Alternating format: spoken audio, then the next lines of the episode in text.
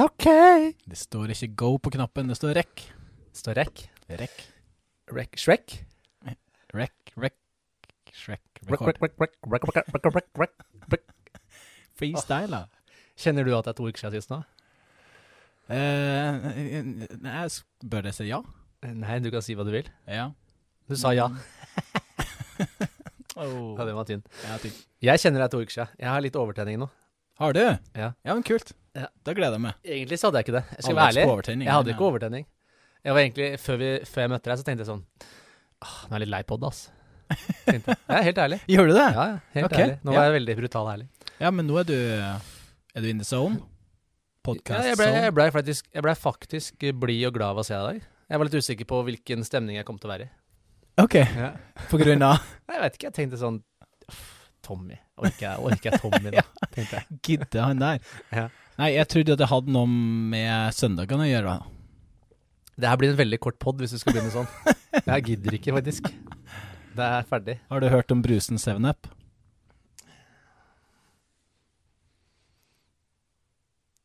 OK.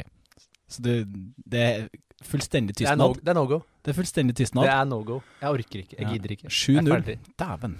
Det er Ja. Det er lenge siden jeg har sett Liverpool hadde så flyt, og lenge siden jeg har sett United hadde så uh, motflyt. Men vet du hva, jeg har opplevd motgang i livet før. Det går bra. Jeg har vært med å tape 21-0, jeg. Så det går fint. Har du tapt 21-0 i en kamp? I fotball, ja.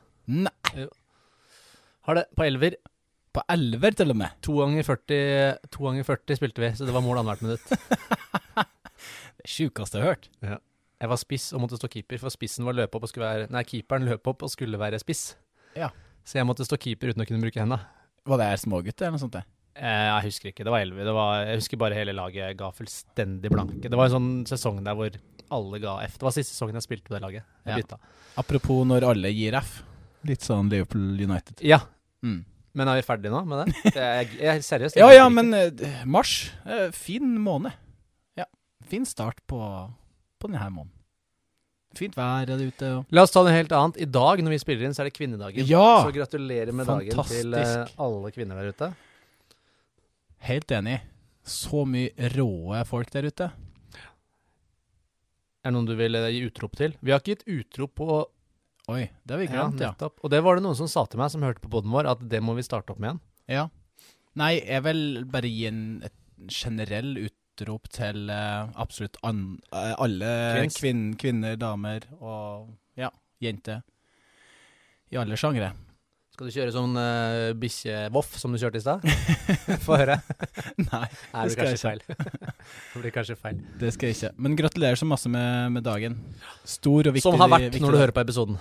Ja, Det er riktig. Mm. OK. Du, to uker siden, lenge siden. Gi meg en update. Du har vært på norgestur. Ja, jeg har vært på norgestur. Jeg, og Oliver eh, skulle jo til, til Brønnøysund på besøk til uh, My Fam. Og um, ja.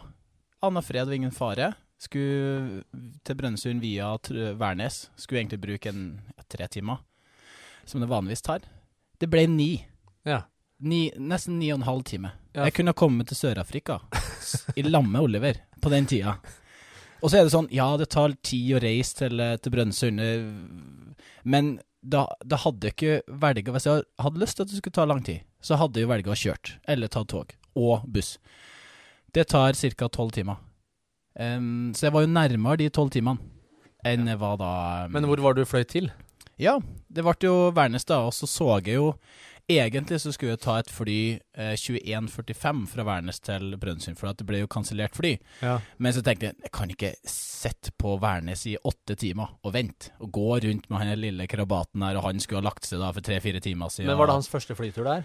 Nei, tredje-fjerde. Ja, han har jo vært der før, han. Ja, ja, så det, det var ikke noe problem. Um, men så så jeg på en skjerm da jeg kom til, eh, til Værnes om at uh, boarding Sandnessjøen. Og jeg tenkte Sandnessjøen, det er jo bare ja, to og en halv, tre timer fra Brønnøysund. Det er i hvert fall nærmere enn Trondheim. Så da, da satsa vi på det. Gikk eh, i skranken til hun hyggelige bergenseren som eh, sto i skranken på Værnes. Og ja, hun var veldig hyggelig, faktisk, til å være bergenser å være. Ehm, Forsiktig. skal være forsiktig. Og jeg la meg jo veldig flat, da. Eller jeg la meg ikke flat, men jeg var jo på vei til å be på mine knær for å komme oss med det, det flyet. Jeg trengte ikke å gjøre det. Eh, Vær så- ærlig, du satt Oliver på disken, og så spurte du den. Jeg tror nok ikke jeg har kommet til å fått lov, hadde, har jeg ikke hatt med Oliver. Nei, jeg tror ikke Så um, det, det ordna seg, og heldigvis så fikk vi jo sende bagasjen og hele pakka. Så det ble Sandnessjøen, Stokka flyplass. Uh, og da var vi jo litt nærmere Brønnøysund, og det er en buss på rundt uh, tre timer. Så da kom vi til, til Sandsjøen, og så Da hadde vi landa Jeg hadde jo ikke sjekka noen bussrute. Nei, hun er fra Mosjøen. Hun er fra Mosjøen, ja. Der Børge er fra. Børge er fra Jeg blander de to. ikke Børge og Mathilde. Mosjøen og sånn, ja. Ehm, ja. Og så fikk jeg jo sjekka at det gikk en buss, heldigvis. Men da var jeg jo allerede i Sandsjøen, så gud, gud vet hva jeg skulle ha gjort hvis det ikke hadde gått en buss. Men er sikkert eh, kunne vært noen som har henta et eller annet. Det har ordna seg uansett. Ehm, så da gikk bussen en, ja, ca. en time senere fra da vi landa. Så da var det jo bare å henge på den enormt store flyplassen i, i Sandnessjøen. De hadde ikke kafé, de hadde en automat. Så da var jeg og kjøpte noen nøtter og noe sånt, for jeg har ikke spist så mye. For vi gikk direkte på flyet på, på Værnes. Eh, og så var det en buss, men bussen går jo vanligvis ikke nedom eh, eh, flyplassen. Den kjører bare rett forbi, for hovedveien er litt ovenfor. Mhm. Og, så da måtte man jo ringe og si at ja, vi skal bli med på bussen og hele pakka. Så Det er lokalt da, når du kan ringe en buss og spørre om jeg kjører nedom flyplassen. Ja, Det er deilig, For det var elendig vær, og så gadd ikke vi stå i en sånn busskur da og vente i, i ti minutter. Vet jo aldri hvor tid de bussene kommer. Ringte du på FaceTime og viste Oliver? Heldigvis så hadde jeg en jeg kjent på flyplassen, som jeg spiller fotball mot i mange mange år. Han spiller for SIL, og jeg spiller for bil. Og han ringte, og alt var liksom i orden, og vi gleda oss til å komme oss eh, av gårde. Og så kvart over fem, da bussen eh, skulle være innom flyplassen, så ser vi den peise av gårde i 115 km i timen forbi flyplassen. Og så tok det jo så lang tid å få tak i den. Jeg tror det tok 15-20 minutter for å få tak i bussen. Så bussen måtte jo kjøre tilbake igjen, da. Ja, med fullt av passasjerer? ja, ja, ja, ja. Så jeg bare Åh, stakkars de folkene som må 15-20 minutter tilbake igjen for å så kjøre. Og så kom vi oss på bussen da, omsider. Eh, og så er det jo da Først er, det blir du sluppet av bussen, og så er det, skal du på ei ferje. Eh, og så går ferja i 45-50 minutter. Og så kommer det en ny mus på andre sida. En ny mus? en ny mus som, som tar, tar, på oss, eh, tar oss på på andre sida. Og så er det en ny ferje. Og så er det da en buss igjen. Så um, ja, Ja. det, det tok jo sin tid. Og det er jo Nå har vi jo fått sett både Oslo Vi fikk kjørt fra Oslo til Gardermoen, vi fikk flydd til Værnes, vi fikk sett litt der. Vi fikk sett Sandnessjøen, vi fikk sett eh, Helgelandskysten også. Ja. Så Det er bra, for jeg, nå, jeg hører jo hva du ville sagt til meg hvis jeg hadde fortalt det her. Ja, men tenk for en opplevelse for Oliver, da! Ja, Dæven. Han har sett mye, da. Ja, ja, absolutt. Han Hvordan, var mer eh, tålmodig enn jeg var. Ja, for det ikke sant? Og det er jo litt sånn typisk. Det var sånn som Alva når vi dro til Thailand nå i fjor sommer. Mm. Når flyet var, skinka, var forsinka og sånn. Hun var jo tålmodig. Det var Ja. Ida og jeg som var uh, drittlei. Nei, men det var, det var greit å komme, komme frem også. så Og det hyggelig å komme frem fram. Hyggelig å være hjemme. Ja, alltid hyggelig å være hjemme. Ja, Være heim. Være heim. Ja. Så har det vært eh, CrossFit eh, Open. Nå har det vært eh, over eh, tre helger, så nå er jo det ferdig. Ja, grattis, forresten. You're qualified. Ja, jeg Ja. ble det! Så det var litt, eh, litt artig. Eh, qualified til Måtte quarterfinals. kjøre noen økter flere ganger, riktig rykter om. Ja, det har jeg òg gjort. Ja. Så jeg så jo at jeg hadde muligheten til å faktisk uh, komme til quarterfinals, så da måtte jeg gjøre uh, økten Du som ikke er sånn som konkurrerer, og ikke er noe sånn Ja, definitivt. Jeg har jo hele tida sagt at nei, det her betyr ikke så mye, gjør det bare for ja, ja. gøy. Ehm, men jeg har jo? Nei, jeg har jo tydeligvis Nei, jeg har jo trent mye mer nå, så jeg har jo mer grunnlag da for å kunne prestere. Og så syns jeg øktene var mye artigere. Det er jo kanskje det viktigste. For det hadde vært sånn som de øktene i fjor, der det var hovedsakelig bare pust, så har jeg ikke gidda å gjort det igjen. For det, du sitter igjen med en sånn her følelse om at åh, dæven, jeg var sliten. Det her gidder jeg ikke å kjenne igjen. Mens nå så var det mer skillsen som stoppa det. Og da med ulike game, eh, gameplans, bare for å teste litt forskjellig, så, så følte jeg nesten at flere av øktene ble lettere eh, desto flere ganger du gjorde den. Så, og da var det jo skillsen som stoppa det, og ikke nødvendigvis pusten. Ja, men det, og det er jo greit, da. Det er jo digg å vite, det, sånn sett. Mm. Ja. Nei, så det var, var artig. Jeg gleder meg til quarterfinals. Det tar jo bare som eh, Når som er det? gøy. Eh, nei, jeg kvalifiserte meg på to quarterfinals. Uh, først i Europa, det er topp 10% i Mm. Europa. Og så har jeg jo age group, 35 til 39. Senior, altså. Senior masters. masters. Så jeg får se. Den uh, um, Jeg tror qualifying nå er ikke nå til helga, men neste helg for vanlig. Og så er det age group i slutten av måneden. Ok. Og jeg tar det for gitt at uh, Pernille gikk videre. Ja, Uh, dæven. Hun var vel på 99 eh, eller 99 persentil. Oi. Ja, Ja, så hun kom vel eh, Var hun topp 15? Hun var tolvteplass i Norge, tror jeg. Dæven, ass. 13.-14. Ja, rundt der. Ja. Så hun Ja, eh, Ganske rå, den dama der. Ja, hun og Christian var enormt uh, gode, altså, i, uh, i det her åpne. Eller, det er jo dem som er generelt best på boksen uansett, men uh, masse andre bra resultater og f flinke folk. Ja. Bra.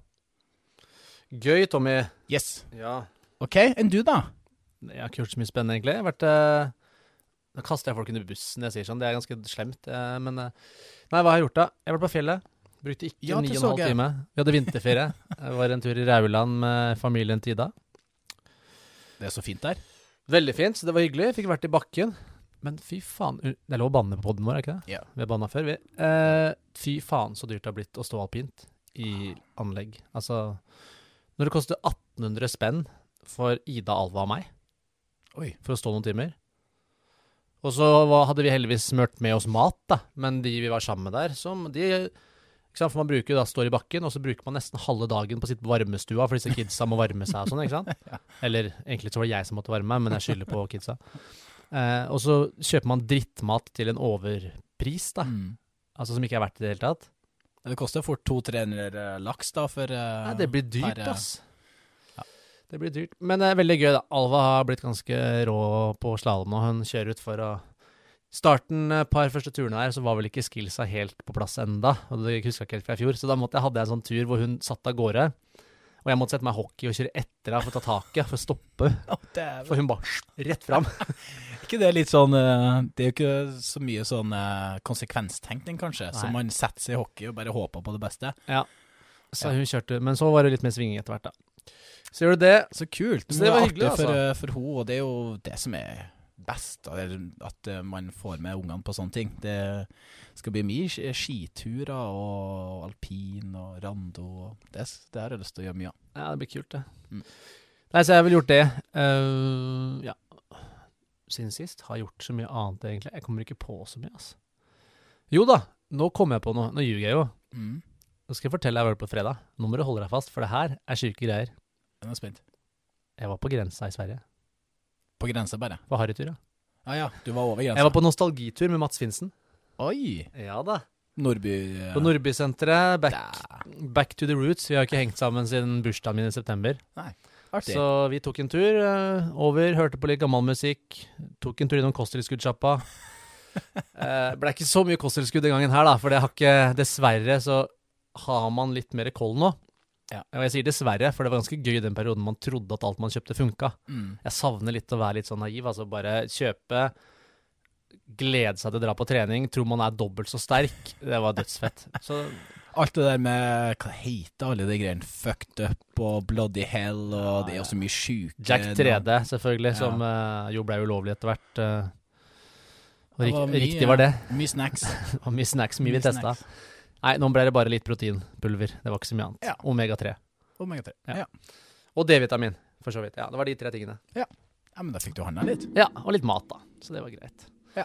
Så det er eh, Men det var veldig hyggelig. Ja. Bra tur. Takk for turen, Mats. Koste meg masse. Mats er en bra fyr. Mats er en bra fyr. Og så Så så det- du kamp på søndag. Da lærte vi av døgnet, tenker jeg. For nå jeg ga deg beskjed. Vi er ferdig. Gare. Gare. Jeg ga deg beskjed. Beskjed. Vi kjører en trudelutt, vi, og så starter vi dagens episode. OK, greit.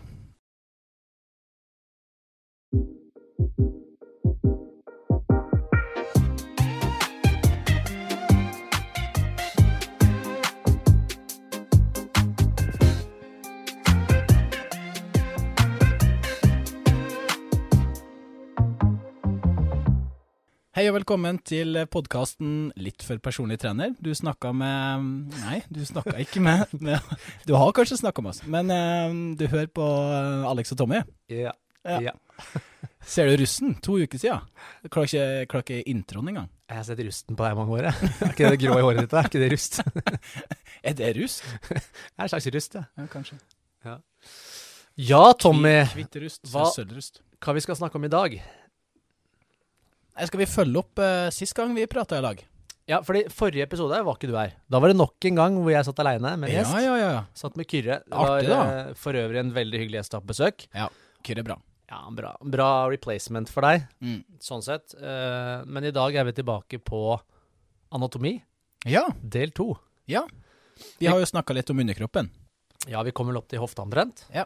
Så nå skal vi vel fortsette den reisen da, oppover i kroppen. Fortsett reisen. Ja. Hvor skal vi, hvor skal vi starte? Hva skal vi starte med? Jeg vet ikke. Hva har du lyst til å begynne med? Skal vi starte litt med den boksen som vi kommer til, altså core?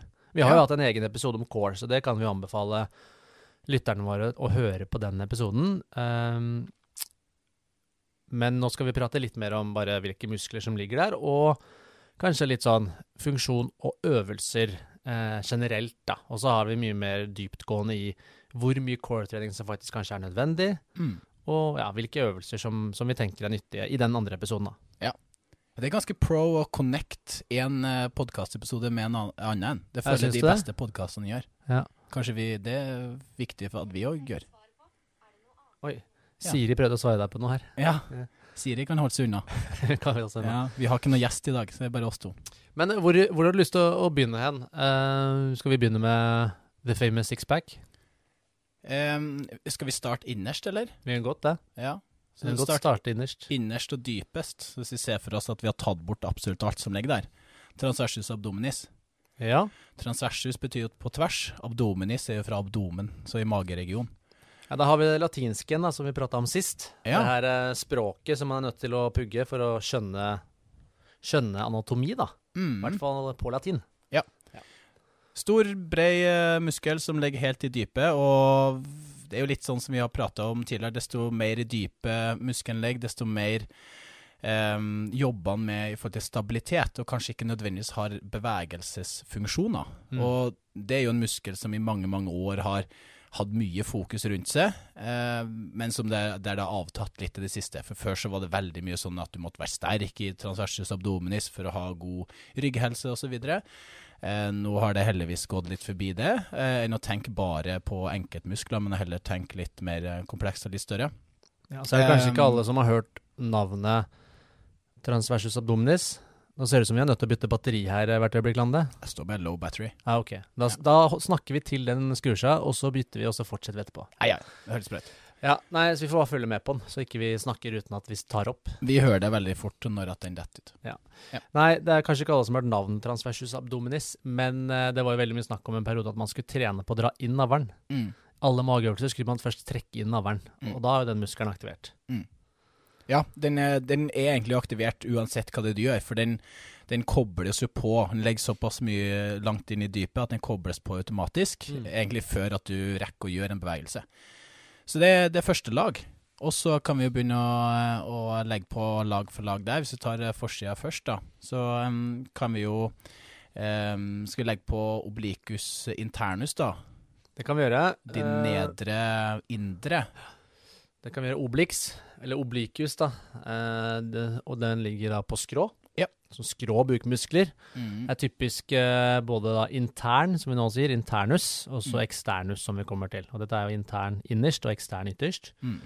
Det er typiske muskler som folk har gjort hvis de har gjort sånn type skrå situps, Mm. situps til siden osv., så, videre, så er den veldig involvert, da. Ja. Også i vanlige situps, for øvrig. Og det der er jo litt spennende. Oblikus internus og externus er jo, det er jo med i det aller meste du gjør Mm. eh, når det kommer til eh, kjerneøvelser, fordi at de både ligger litt foran, de ligger litt eh, De har fiberretning som går på skrått, eh, og så har de òg eh, legger de litt på sida. Så de kan påvirkes både når du bøyer det frem som en sit-up-bevegelse, og så Mhm. kan òg når du gjør en rotasjon i kabel f.eks., da Mhm. trener du i skrått. Og så kan du òg trene med en type sideplanke, Mm. eller en eh, suitcase carry, når du går med noe tungt på Gå med en tung koffert. Tung koffert, eller hvis du har handla veldig mye på Storesenteret en dag, og bare bærer på den ene sida, så jobber du veldig mye med, med motsatt side. Og eh, når vi bøyer oss frem, så vil jo begge eh, obliquus externus-musklene jobbe, og begge internus-musklene jobbe. eh, når det er bilateralt. Eh, også når du roterer, så skjer det jo litt sånn eh, litt motsatt. Fordi at den obliquus externus roterer til motsatt side, mens obliquus internus roterer til samme side. Så hvis jeg roterer til høyre, da, så bruker jeg jo venstre obliquus externus og høyre obliquus internus. Så Mm. der, det er derfor man kjenner det på begge sider når man gjør rotasjonsøvelser. Riktig. For eh, øvre og nedre, for de har fiberretning i, i De samme, møtes da i samme, samme lomme, kan samme vi si. lomme. ja. Ja. Og så hvis du roterer til motsatt side, da, så er det jo de, de andre som krysser hverandre. Mm. Mm. Men også når du da gjør en sideplanke, så er det jo hele den sida. Eh, så venstre obliquus externus, høyre obliquus internus, Mm. som jobber. Så da har vi de obliquus-musklene, og så har vi jo ytterst Så eh, kommer vi da til rectus abdominis. Da er vi på sixpacken. Da er vi på sixpacken. Eh, obliquus eh, externus legger òg ganske eh, langt ut mot, eh, inn, ut mot overflata. Eh, så, um, Den kan, de- den kan man også se ganske tydelig på de som har veldig lav fettprosent. Ja. Så ser man gjerne obliquus externus, de skrå fibrene som du ser på Mm. utsida. Riktig. Rectus abdominis er jo de som Ja, altså du Som danner da sixpacken, Mm. som, du, som du ser. Det er den ytterste. Den har ingen stabilitetsfunksjon. Eh, den er hovedsakelig eh, laga for å skape bevegelse, så den sit-up-bevegelsen. Ja. Mm. Og litt for å flashe på stranda, ikke det? Og litt for å flashe på stranda òg. ja. Absolutt. Skal vi si noe om den muskelen? Er jo, man tenker jo sixpack, så det er mange som tenker på det som at det er forskjellige muskler. Ja. Hva er det som gjør at den muskelen ser sånn ut? Altså Hvorfor har den, den, den det berømte sixpack-utseendet, eller hos noen eightpack, ja. eller fourpack? Det er jo veldig genetisk hvordan den ser ut. Ekstremt genetisk. Når man ser på, på mage, magen til folk, avhengig av lengden på, eh, på overkroppen og, og lignende, så har det mye å si. Og den, den deles jo da med Linnea alba, sånn her hvite linjen. Ja, den linja man ser på gravide, da, Ja. som blir veldig synlig midt på magen når magen vokser. Mm, riktig. Linnea Alba. Fantastisk fint navn. Veldig. Ja, hvis, hvis jeg får det jenta, så skal Linnea Alba ja. er faktisk veldig fint navn, det er Ja. sant. Så jeg har eh, Faen, nå er det sikkert noen som kommer til å bruke det der ute. Ja, Linnea er jo allerede kjent navn, og så tenker vel du på Jessica Alba, du da. er det derfor eh, Ja, kanskje. så da har vi, har vi dem. Og så hvis vi går på sida, så har vi en, eh, en muskel Skal vi svare på det, da? Det spørsmålet jeg nå stilte. Ja, ta, ja, ja. Jeg sa det er jo mange som tror. Jeg sa hvorfor tror man at dette er flere muskler? ja sånn, ja. Ja, i og med at den har jo da ulike Og vi pleier å si at den har flere muskelbuker. Mm. Eh, men at det er samme muskel, ikke sant? Fordi at i treningsverdenen så hører man jo ofte om ok, hvordan kan jeg isolere noen av disse i sixpacken. Mm. Ikke sant? Jeg har lyst til at eh, jeg vil at de skal vokse litt, eller de skal synes, eller jeg vil bli sterkere her. Eh, og der er det vel sånn at du trener hele Ja. rectus abdominis, altså alle i sixpacken, uansett hva du gjør. Ja. Men at du kanskje kan legge mer eller mindre fokus på sammentrekning av nedre del, hvis du gjør øvelser der du løfter opp bekkenet i forhold til ryggsøyla, som Mhm. f.eks. en omvendt crunch eller en eh, benhev, Mm. leg race som dere kaller det, hvis beina Hvis du klarer å bevege ryggsøyla. Ja. For det er jo en ting at det er jo mange som beveger bare hofta der. Mm. Eh, og at du mer, jobber mer med øvre del hvis du gjør en crunch, Mm. f.eks. Kjempebra. Nei, men det er viktig å poengtere. Så er vi over til sida, så den laterale delen av, eh, av kroppen. har vi en, eh, en muskel som ligger helt inne i dypet, som ikke så mange kjenner til, men som heter quadratus lumborum. Kvadratus på grunn av måte, eller hvordan den ser ut. Ser ut som en firkant. Ja. Ser ut som et kvadrat. Eh, også lumborum, fra at det er lumbaldelen av ryggen, da, så korsryggen på latin. Kjempe det, Der har vi to, så vi har en på venstre og en på høyre. Kjempeviktig da på ting der du, der du har mye mer vekt på den ene sida. Altså sideplanke, for eksempel. Suitcase carry, akkurat samme med de shoppingbagene dine. Så um, muskler som er viktige eh, på sida. Mm. Mm. Forkortes ofte QL når det snakkes om. Ja, Riktig. Så da har vi tatt sida. Kan ta kjapt bak òg. Ja, hva fins bak, da? Der fins det jo en svær pølse. Ja. Eller to pølser. Vi har ganske mange som Vi har noen som legger litt uh, dypere, sånn uh, multifidene, rotatorene og sånt. Ikke så, så allment kjent, men det viktigste kanskje rektor spina. Mm. To pølser på hver sin side Muskel av eh, som eh. Vi hadde jo snakka litt om det her når vi prata om ryggepisoden vår. mm. uh, men muskel som veldig mange er uh, syns er litt skummelt å bli støl i. Ja. Det er en svær muskel som ligger på baksiden og stabiliserer ryggsøyla, og Mm. strekker ut ryggsøyla hvis vi er i en krum posisjon, da. Riktig. Og det er klart at trener man den muskelen med tunge markløft eller tunge rygghev og sånne ting, eh, så kan man bli støl der som alle andre steder, og da kan det oppleves som litt ubehagelig, for da tror man kanskje at å nei, nå har ryggen eh, tatt kvelden her. Ja, klassisk. Rektor spina er jo egentlig litt sånn som hamstring og sånn som quadriceps. Det er jo ei gruppe av muskler. Så um, iliocostalis som legger mest ut, så ilio fra ilium, som er da um, hofte, sånn, hoftebeinet. Mm. Eh, og så um, iliocostalis, costalis, costa, kommer jo fra ribben. Mm. Så det er jo den som går fra hoftekammen og så opp til, eh, opp til ribbena. Og så har vi da eh, longissimus, longissimus den lange. Og så har vi da spinalis, som ligger nærmest spine, så da Ryggsela, Ryggsøyla. Ja. Mm. Så det er de. Men Viktige sant? muskler. Veldig viktige muskler, og det er igjen, da Det er jo ingen stor praktisk betydning for folk i utgangspunktet å vite at det er flere muskler. Eh, for du bruker jo stort sett alle sammen, i hvert fall i løft og sånne ting. Du stabiliserer jo. Men Ja. det kan være, hvis du beveger mer øvre del av ryggen eller nedre del av ryggen, at Mm. de blir brukt litt ulikt, da. Riktig. For de går jo hele veien nede fra sakrum, fra korsbeinet, nederst i korsryggen vår, og hele veien opp til, eh, til okseput.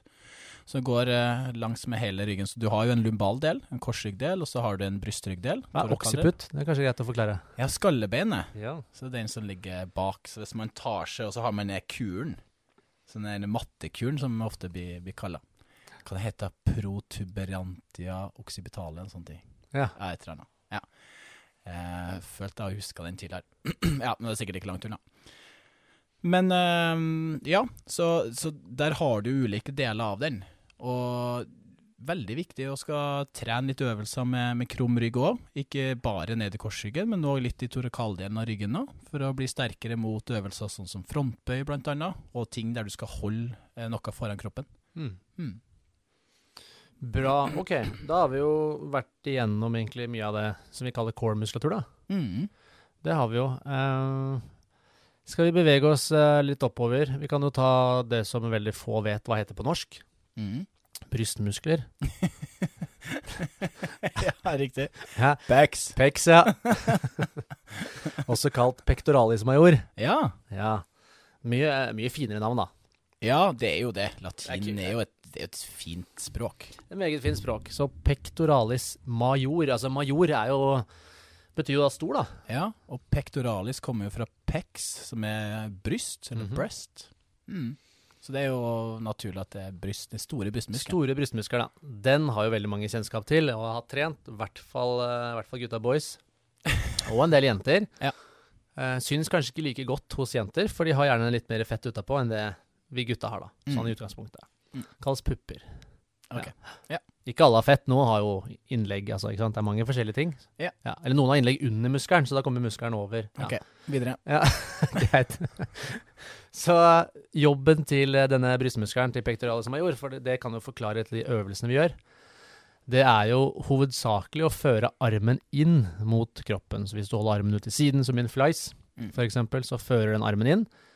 Eh, men den muskelen har også tre deler. Vet Brosa, for de trener jo ikke bare benkpress, flat benkpress, men vi kjører skrå benkpress, og vi kjører kanskje dips eller decline. Ja, Hvor vi ligger med hodet lavere enn knærne, f.eks.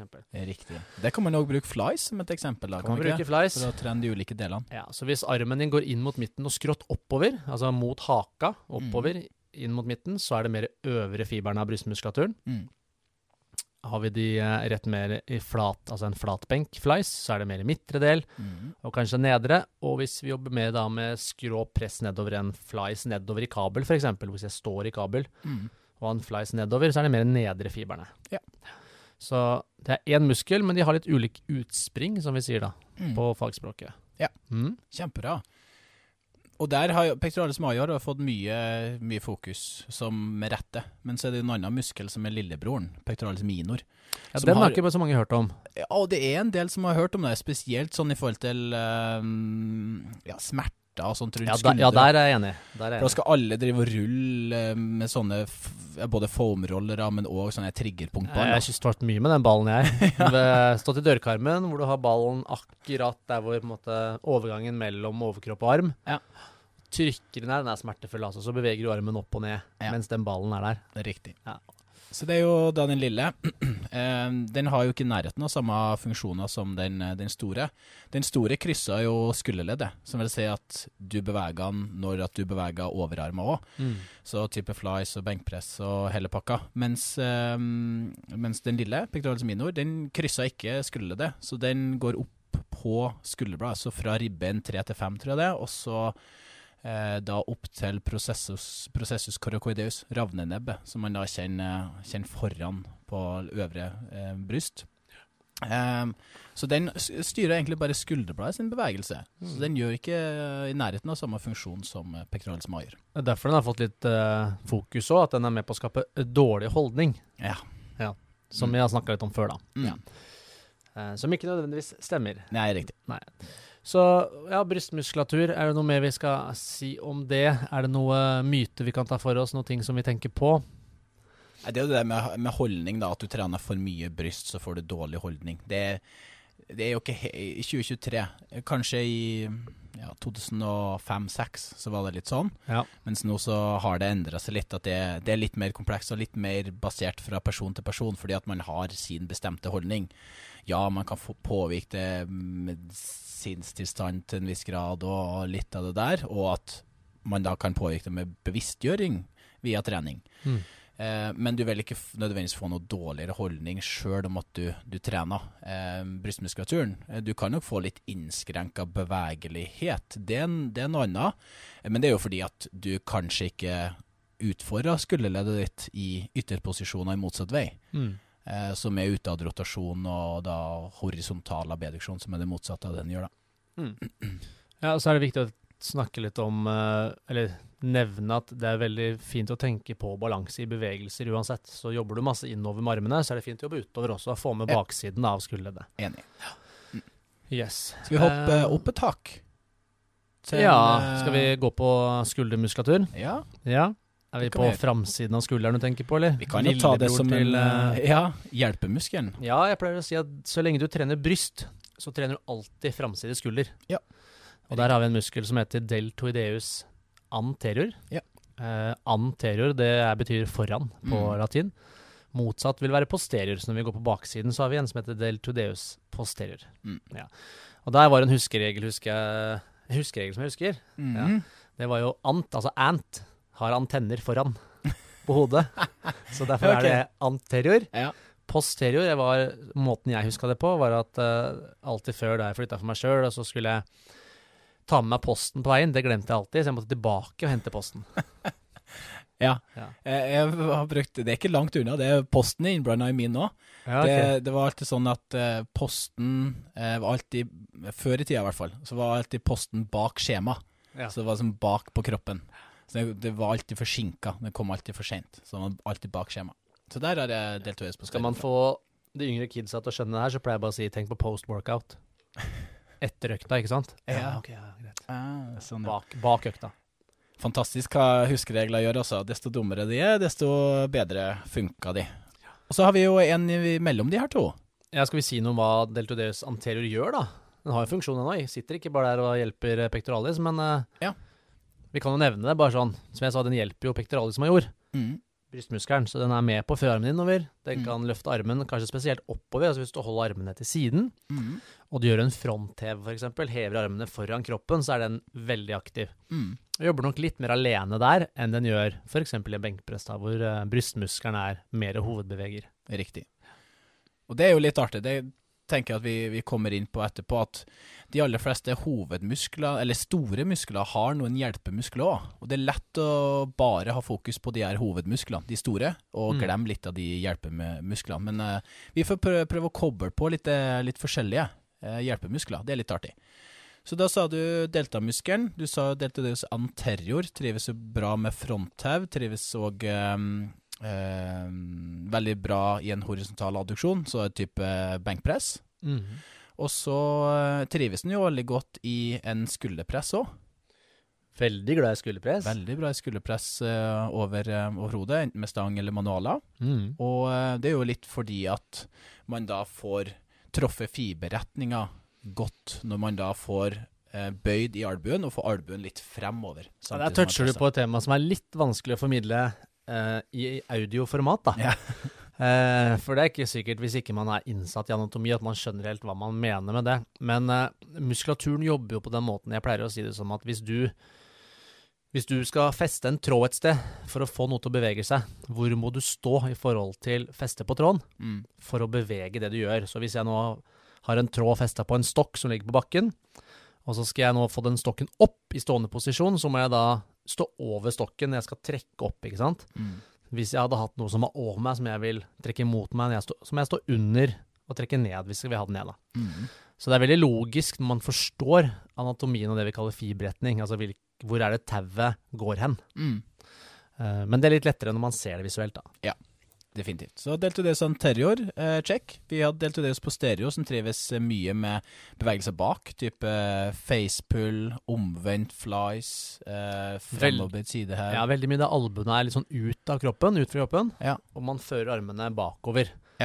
Eh, den er også med når armene er inntil kroppen, men mer enn armene er ut fra kroppen når man fører albuen bakover. da. Riktig.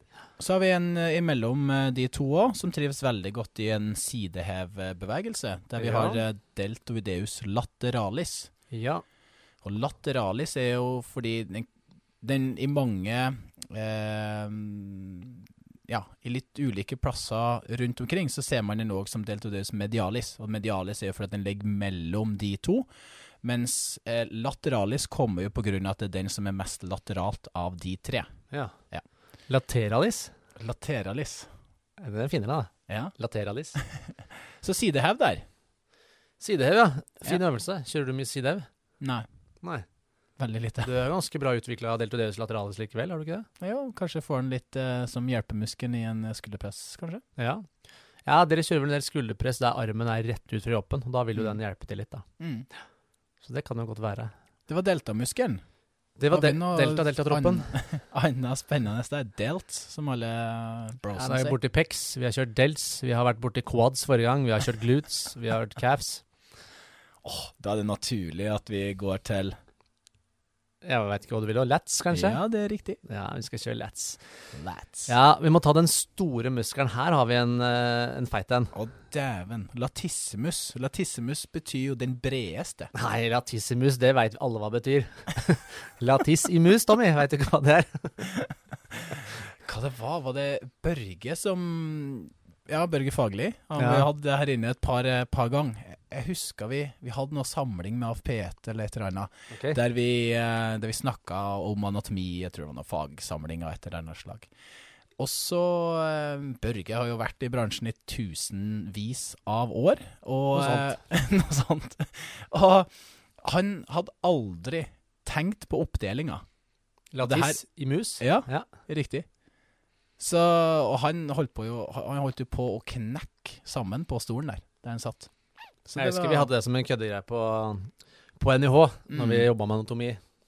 Ja. Men eh, la oss ta, la oss ta denne, den eh, brede ryggmuskelen. Ja. Latissimus dorsi. ja, dorsi betyr jo bak, eller dorsum betyr bak. Ja, fra dorsal. eh, ja. Så den, den muskelen, ofte kjent som vingene, Mm. litt sånn. Og det er jo det, fugler har den muskelen de òg. Ja. Latissimus dorsi, dorsi anterior har de Mm. blant annet, som de har sjekka i noen studier. Ja. Som de bruker når de skal ut og fly.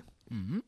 Eh, og vi kan dessverre ikke fly, men vi kan jo Tenk det, det har vært fantastisk å kunne fly. Det er noen som ser ut som de kan fly når de brer ut. Nei, Hvis de hopper ut fra hustak, så tenker man at du kommer til å sveve langt. Ja. Det ser ut som en sånn flying suit. Det er ikke oss to.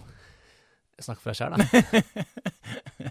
Henriette på Myhren har sagt at jeg ikke har så verst latissimus dorsi, faktisk. Ja, okay. Ja. Jeg må få noe. Jeg må få noe. Akkurat på den uh. Jeg stoler veldig uh, Ja. på Henriette når det kommer til den, den uh, biten der. Men uh, hvor latissimus dorsi kommer fra? For det, den er jo Man ser den på en måte under armen, Mm. men den er jo helt kommer helt ned fra bekkenet. Ja, Dæven, det er en svær, uh, svær muskel som brer seg over et stort område. Den har jo Går ned mot uh, Sakrum, crista iliaca, så hoftekammen. Og så har han òg noe relasjon til um, noen ryggvirvler på vei opp. Og så har han relasjon til nedre del av uh, skulderbladet vårt. Så kommer han opp, og um, så svinger han seg litt rundt og kommer på forsida av uh, overarmsbenet vårt, Ja. humerus. Så det er en stor muskel, den kan påvirke Veldig. mye. Kan Mm. påvirke ryggsøyla. Mm. i å bøye seg til siden. Kan påvirke skapela, ved å rotere det inn og liksom trekke det litt ned. Ja.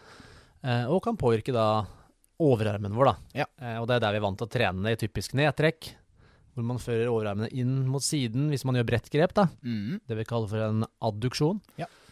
vi gjør det i roing, der vi fører armen bakover mot kroppen. Mm. I det vi kaller en ekstensjon. Fører armene bakover, da. Mm. Og det er vel der den trives best, med albuene Trekker albuen inn mot kroppen, ned inn mot kroppen, da. Mm. Ja. Der er den veldig, veldig glad. I motsetning til f.eks. deltoides posterior, som nevnt i stad. Bakside skulder. Mm. Den trives bedre med albuen ut fra kroppen. Ja. Uh, og eh, det er jo litt sånn, man snakker om latismus dorsi, jeg kan jo spørre deg også som anatominerd, da. Mm. Ut fra et bro-perspektiv, for det er litt gøy. Mm. Så har det alltid vært snakk om at hvis du kjører nedtrekk, så trener du bredde. Og Mm. hvis du trener roing, så trener du dybde. Ja. Hva tror du ligger i det, og hva tenker du? Jeg er litt usikker hva jeg tenker, egentlig. Det, det, jeg har ikke hørt så mye av det, for jeg har ikke vært på den bro-sida. Men jeg har hørt veldig mye at, uh, du, kan, at du trener noen øvelser for øvre del Ja. av dorsi, men Ja. at du har, også har du noen for litt uh, mer For det gir jo mening av at nedtrekk med et bredere grep trener litt mer øvre delen, sånn sett. Ja. Mens roing, der du trekker litt lenger ned mot navlen, så trener du litt mer av den nedre fiberne. Mm. Det, I min bok gir det mening. Ja da. Er du enig i det? Ja da. Ja. Følg, følger, følger den. Ja. Gjør det. I tillegg til de to du sa der, så roterer den jo òg inn. Ja, Så- roterer overarmen inn. Så hvis man vet hvor muskelen er festa på overarmsbeinet, på humerus, så kan man òg se for seg hvilken rotasjon den gjør. For det er festa på forsida av bevegelsesaksen, eller på innsida av bevegelsesaksen, så gjør muskelen en innadrotasjon. Fester den da mer på baksida av bevegelsesaksen, så kan muskelen gjøre en utadrotasjon. Mm. Eh, så det er jo latissimus dorsi. Trives kjempegodt, sånn som du sa. Pullup og nedtrekk og sittende roing og ja, sånne, sånn kos. Kan du dele opp humerus for meg? Eh, hu med rus? Ja. hu med rus. Det, den, den er ikke Så, nei, ikke heller jeg kom på nå. ja. Hvis du har litt dårlig stabilitet i skulderen f.eks., så er det fordi at det er humerus som er ute og kjører. ja, dæven. Ja, det var litt morsomt. Ja, nå, har jeg, nå har jeg lært meg en ny, jeg òg. Ja, det var kult. Ja. Skal vi ta Ja, Latissimus dorsi, den kaller vi ofte Batman. Ja. The Batman. Batman. Batman. Og Batman har en hjelper som heter Robin. Mhm. Og Robin uh, i latinspråket kaller vi da for teres major, Ja. som er en annen muskel. Litt sånn som at uh, brystmusklene alltid har hjelp av uh, framside skulder. Ja. Så har uh, ryggmuskelen vår latissimus dorsi hjelp av en annen ryggmuskel som ligger litt på samme sted. Den er mye, mye mindre. Den går jo ikke helt fra bekkenet i det hele tatt. Mm.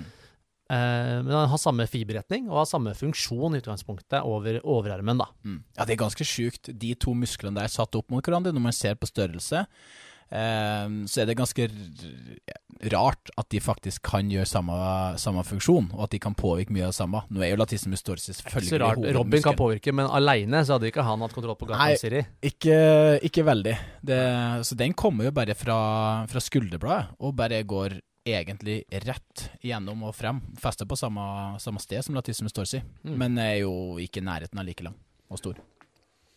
Så det er Teres, uh, Teres Major, hjelpemuskelen til Latismus dorsi, Batman og Robin, som vi ofte Batman kaller og Robin, da. For der, eh, der Batman er, der er alltid Robin, som den gode hjelperen. Ja, det Mm. er det. Så ja, og da kan, man, kan jeg isolere Teres Major? Kan jeg la Batman hvile og bare la Robin jobbe? Det tror jeg er vanskelig. Så, sånn er det noen ganger. Det er ikke så lett alltid å bare Det er veldig sjelden vi trener én muskel. Du trener stort sett muskelgrupper Ja. sammen. Riktig. Riktig. Skal vi eh, hoppe eh, litt mer inn? Så intraskapulært. Ja, altså da imellom skulderbladene, da. Ja. ja. Skulderblad på latin heter Scapula. Og hvis du sier det på uh, rogalandsdialekt, så blir det Scapula. Ja, det er riktig. Bare Du blei jo innvandrer og eh, fra Stavanger, du, men det er greit. Skapula. Stemmer det. Ja, riktig. Ja. Så det er også en sånn type eh, Et sånn type navn, Ja. ja, som er lett å huske. Mm. Så jeg hadde en student nå forrige, forrige kul jeg hadde, som var fra Stavanger. Og så sa jeg, sa jeg vel det litt sånn Hvis du leser det med, med din dialekt, så uttaler vi på litt annen måte, men det trenger vi ikke å ta nå, sa jeg. Og så gikk det vel to minutter, og så begynte han å le. Ok. Ja, så han uh, måtte tygge litt på den. Vi, um vi har jo en stor, stor overfladisk muskel, kappemuskelen. Trapesius. Nei, traps. Traps. Ja, traps. Ja, ja, vi har jo egentlig kjørt det. Pecs og traps Ja. og lats og hele pakka. Der har vi um, stor muskel som brer seg fra helt opp i nakken, og så ut mot uh, kragebeinet, og så videre inn mot ryggraden igjen, og så ned til korsryggen. Mm. Så der har vi uh, trapesius, kappemuskelen, legger litt i navnet. Der vi har en øvre del, en midtre del og en nedre del. Ja. Da kan, kan ikke du bruke det her, jeg syns det var fint, det med en tråden. Jo, vi har jo da øvre del, så hvis vi nå tenker at vi skal Og disse påvirker jo skulderbladet hovedsakelig, da. Ja. Så hvis vi nå skal eh, løfte skulderbladet opp, da er jo spørsmålet Eller hodet Eller hodet Ja. bakover. Men hvis Mm. vi tenker skapela først da, skulderbladet, med fiksert nakke. Ja. Mm. så tenk at skuldrene skal opp langs ørene dine. Ja. Hvis du sitter i ro nå, og så løfter du skuldrene opp langs ørene. En shrug. Ja, og da er spørsmålet hvor vil du plassert deg selv, og hvor vil du plassert tråden hvis du skal løfte skulderbladene opp? Kan jeg gjette? Ja. Jeg vil stå på toppen. Du vil stå på toppen, og så vil du plassere tråden nedover, og så løfte opp. Riktig. Da vil du få den opp. Og da har man de fiberne som da er øvre fiberne, de går da skrått nedover, for tråden går nedover. Ja.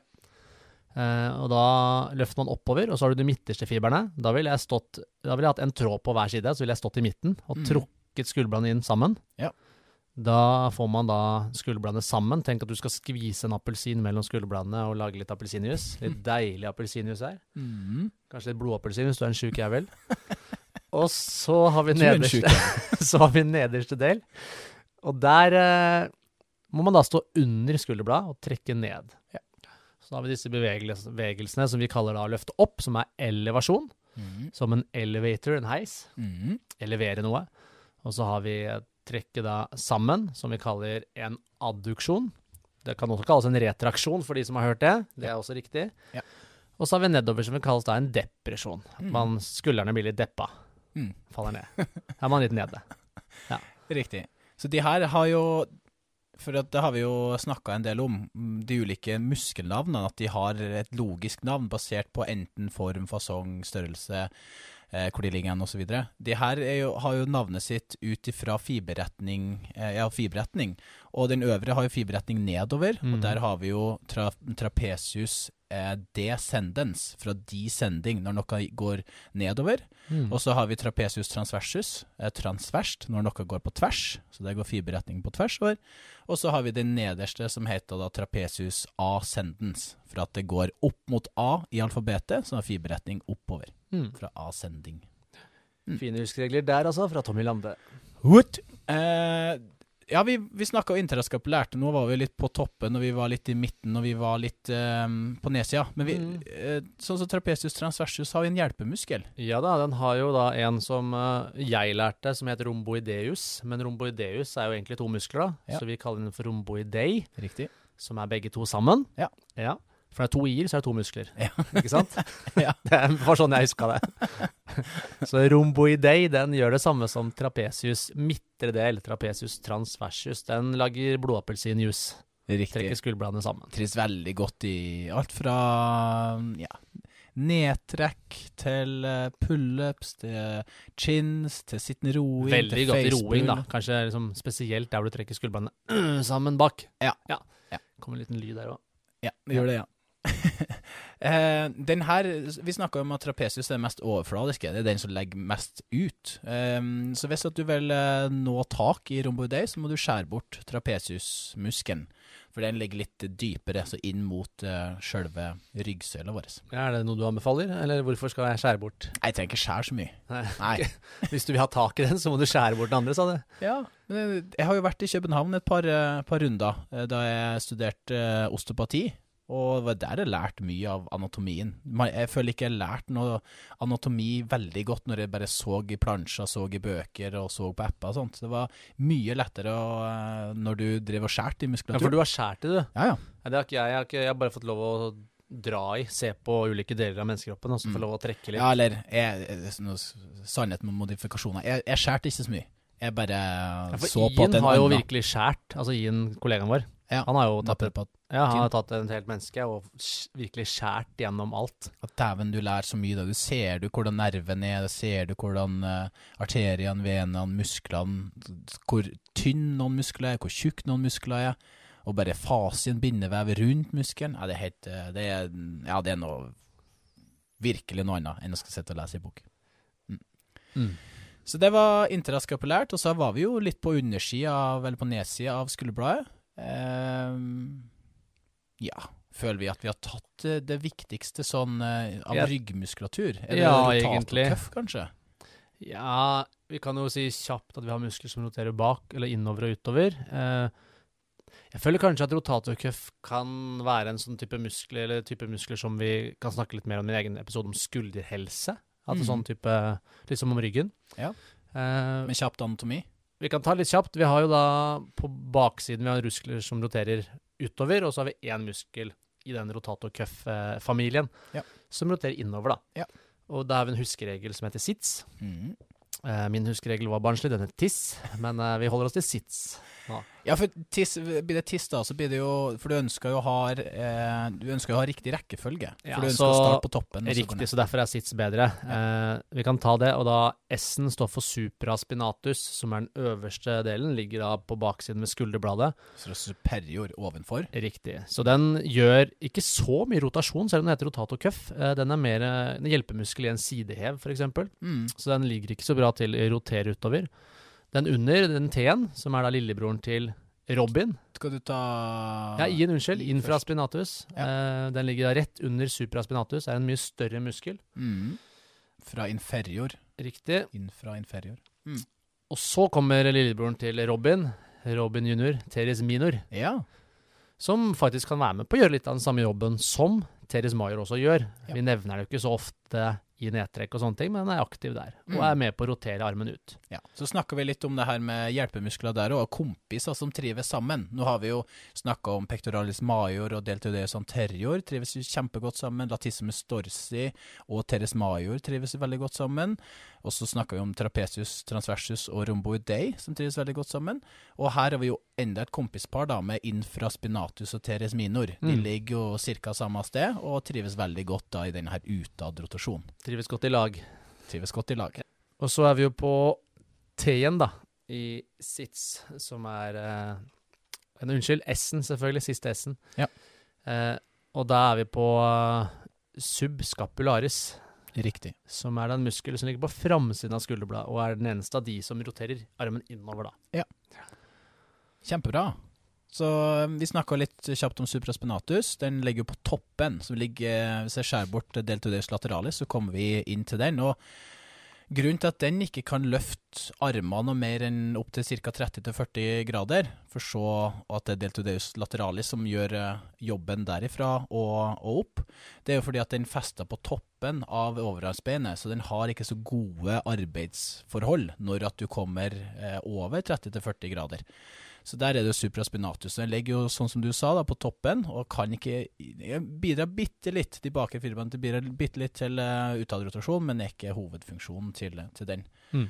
Og så sa vi jo utadrotasjon på de andre to, og innadrotasjon på den siste. Og det er jo fordi at den siste festa da på forsida av bevegelsesaksen, så på innsida av Ja, den kommer jo inn og er kompis med pectoralis major og latissimus dorsi og de andre store musklene som roterer inn, da. Ja. Og rotatorcuffen, eller rotatormansjetten som det blir kalla, dype muskler, stabilitetsmuskulatur rundt, eh, rundt skulderleddet.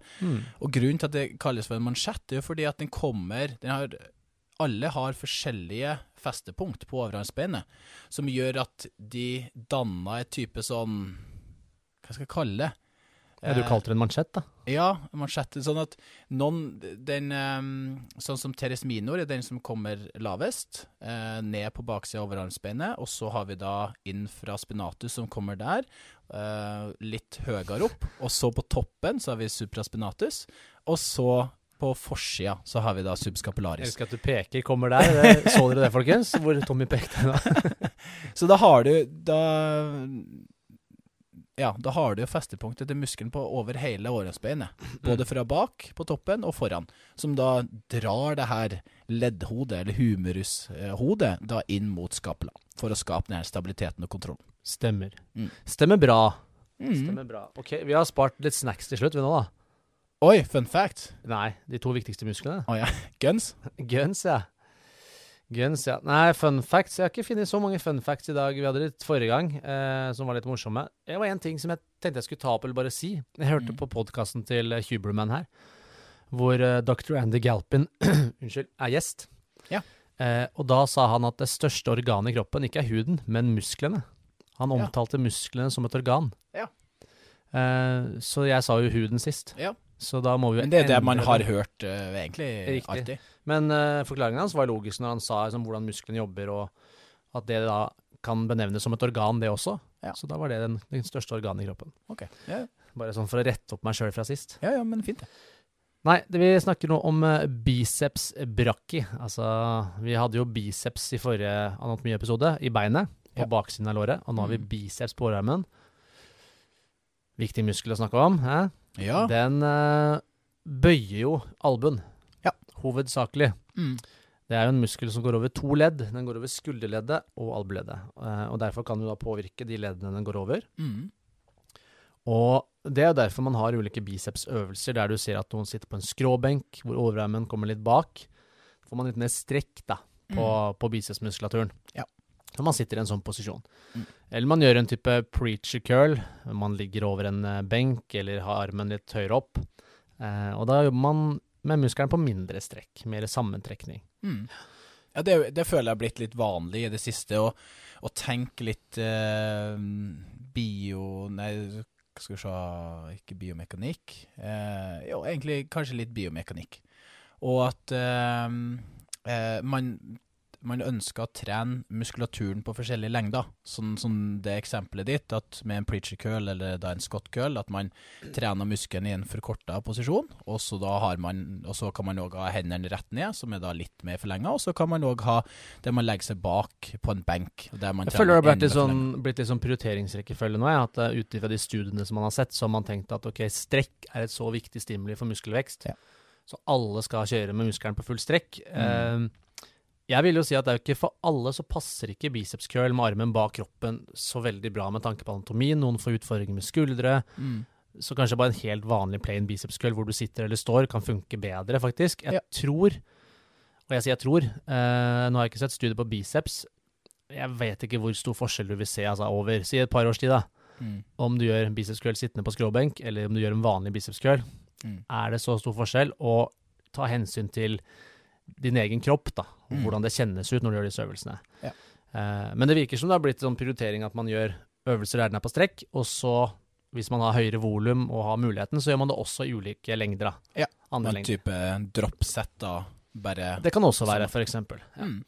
Så, og det er jo hemmeligheten, egentlig, med biceps. Eh, her var det jo veldig mye bro science, i hvert fall da jeg uh, starta på gymmet. Litt sånn Hvordan skal jeg eh, Hvordan skal jeg nå gjøre Hvis jeg gjør biceps curl, og jeg holder litt bredere på stanga, ja, da trener jeg det ytterste hodet av biceps. Ja. Eh, så dropper jeg det indre, f.eks. Mm. Mens det er jo posisjonen i skulderleddet som vil være med å påvirke strekken på biceps, og det er på en måte det største. Og så har det litt å si hvilken posisjon vi har på underarmen. Ja. Så da om vi har supinert, om vi holder en suppeskål, så håndflatene opp, Mm. Så vil jo biceps trives bedre og være sterkere. Og hvis vi begynner å rotere, så vi holder f.eks. som vi holder en hammer, Mm. vi hammer curl, Mm. så vil jo biceps være litt svakere, og da er det jo noen andre muskler som er med og bidrar, og de er jo alltid med også. Mm. Nevnes jo ikke like mye, i hvert fall ikke i sånn treningssentersammenheng. Nei. Men vi har jo uh, brachialis Mm. som en muskel, og brachioradialis, da. Ja. Uh, og brachioradialis trives nok aller best når håndflatene peker ned. Mm. Da vil den bidra ganske mye, og den går jo ganske langt ned på underarmen, den muskelen. Så den eh, er nok eh, mange som vil kjenne litt mer i når du gjør en curl-variant hvor armen er ned, eller hvor du gjør kanskje en pullups. Så er det mange som kjenner det litt mer nedover i underarmen også. Mm. Hva sa du nå? Brachialis. Så, Ja, det var Brachialis, brachialis. ja? Ja, du, du sa kan- brachio, du du, du sa si bra- Ja, du sa brachioradialis. Ja, og brachialis. Ja, eh, ja absolutt. Ja. Men du ser jo at uh, biceps trives best med supinert grep, som du sa. Ja. Også et semipronert grep, eller et nøytralt grep. Så trives jo som en type hammerkøll. Så er det jo brachioradialis som, som trives best, og som et pronert grep med overhåndsgrep, så er det da mer brachialis. Brachialis, ja. ja. Så hvis man da Sa ikke det jeg sa? Sa jeg motsatt? Jeg vet ikke hva jeg er I så fall så må du jo rette på meg. Ja, Du må ikke sitte og hviske her. Da Vi må ikke lære bort feil. Nei, Det er viktig at hvis jeg sier feil, så må du si fra. det er viktig. Uh, ja. Biceps, bi, to hoder. Seps, Uh, brakki, betyr arm. Um, der har vi jo Ja, de to hodene. Der har det jo i lang, lang tid Jeg vil trene litt mer det lange hodet. Eh, også litt mindre av det korte hodet. Men begge hodene går både over albuen og over skulderleddet, så du kan ikke påvirke det så mye. Lengden på det lengste hodet er ikke mye lengre enn det korte. Der det lengste hodet går inn i skapela, så i skulder, eh, inn i skulderleddet. Eh, hvor det korte hodet går til det processus corocadeus, ravnenebbet, som man kjenner foran på, på brystet. Um, så sa du brachialis. Skjær, hvis jeg skjærer bort uh, bicepsbrakket, kommer jeg inn til brachialis, den lille bicepsen som det òg ofte blir kalla. Uh, og så har vi brachioradialis uh, til slutt, som egentlig har et navn basert på hvor den går hen. Så eh, brachio fra brachium, som er arm, eh, og så da ned til radius, så spolebeinet, Ja. som er på tommelfingersida. Et av underhåndsbeinene, kan vi si da. Ja. Alle de der bøy i albuen, og så er det litt sånn hvordan Om du har supinert grepet, nøytralt eller pronert. Litt Mm. avhengig av hvor de trives best, men alle tre er med når du bøyer i, i albuen. Riktig. Skal vi ta triceps også, før vi eh, lukker døra her? Ja, Ja. det kan vi gjøre. Tri. Tri, Ja, Betyr tre? Da må vi ha tre hoder. Triceps. her-. Ja, så her har vi jo da um, to hoder som er benevnt ut ifra hvor de ligger, posisjonen. Så kaputt mediale. Kaputt betyr jo hode. Mediale betyr den som er mot innsida eh, av kroppen. Eh, og så har vi kaputt laterale. Laterale betyr mot utsiden, så den som Mm. er mest lateralt av de to. Eh, og så har vi den siste, som er benevnt ut ifra størrelsen. da. Så det er kaputt longum, det lange hodet. Og det lange hodet beveger seg da over skulderledd. Ja. De andre to går kun over albueleddet, fra olekeranon og så videre opp på, til humerus. Eh, og så eh, har vi da det lange hodet, som går opp på skulderbladet vårt. På toppen av, eh, av skulderbladet. Så der har vi Så triceps Der har du jo muligheten til å påvirke øvelsene litt. For du, du trener jo veldig ofte der du har albuen da tett inntil kroppen. Og da trener du hovedsakelig laterale og, og mediale. Men så må man jo tenke da at man må må ønske å sette litt mer strekk på det Ja, lange. du trener vel alle hodene uansett, men du trener jo det lange hodet på litt mindre strekk, da, kan man jo si. Riktig. Eh, så type en pushdown da, i kabel, hvor du står med armen inntil kroppen, som du benevner, Mm. så vil du jo få håper å si, tilnærma full strekk på eh, det mediale og laterale hodet. Eh, du kjenner ikke at det tøyer strekken så mye i de hodene. Det er en veldig sjelden at det er en begrensende faktor for bevegelighet der. Mm. Eh, men hvis du nå tenker, du som hører på, at du skal tøye på triceps Hvis du har tøyd tricepsmuskulaturen før, hva gjør du? Og veldig ofte så bøyer man i albuen, og så løfter man albuen over hodet, som jeg prøver å gjøre nå. Jeg er veldig stiv. Sjekk hvor stiv jeg er, da. Ja, dæven, du var stiv. Og så kan man da f.eks. gjøre en tricepspress over hodet. Ja. Med en hantel, f.eks. Mm. Over hodet, en manual. Ja. Eller i tau i kabel. Mm. Eller hvis du gjør en uh, fransk press eller en med stang hvor du ligger på en benk og du fører armene litt lenger bak hodet, Mm. så vil du få litt mer strekk på det lange hodet.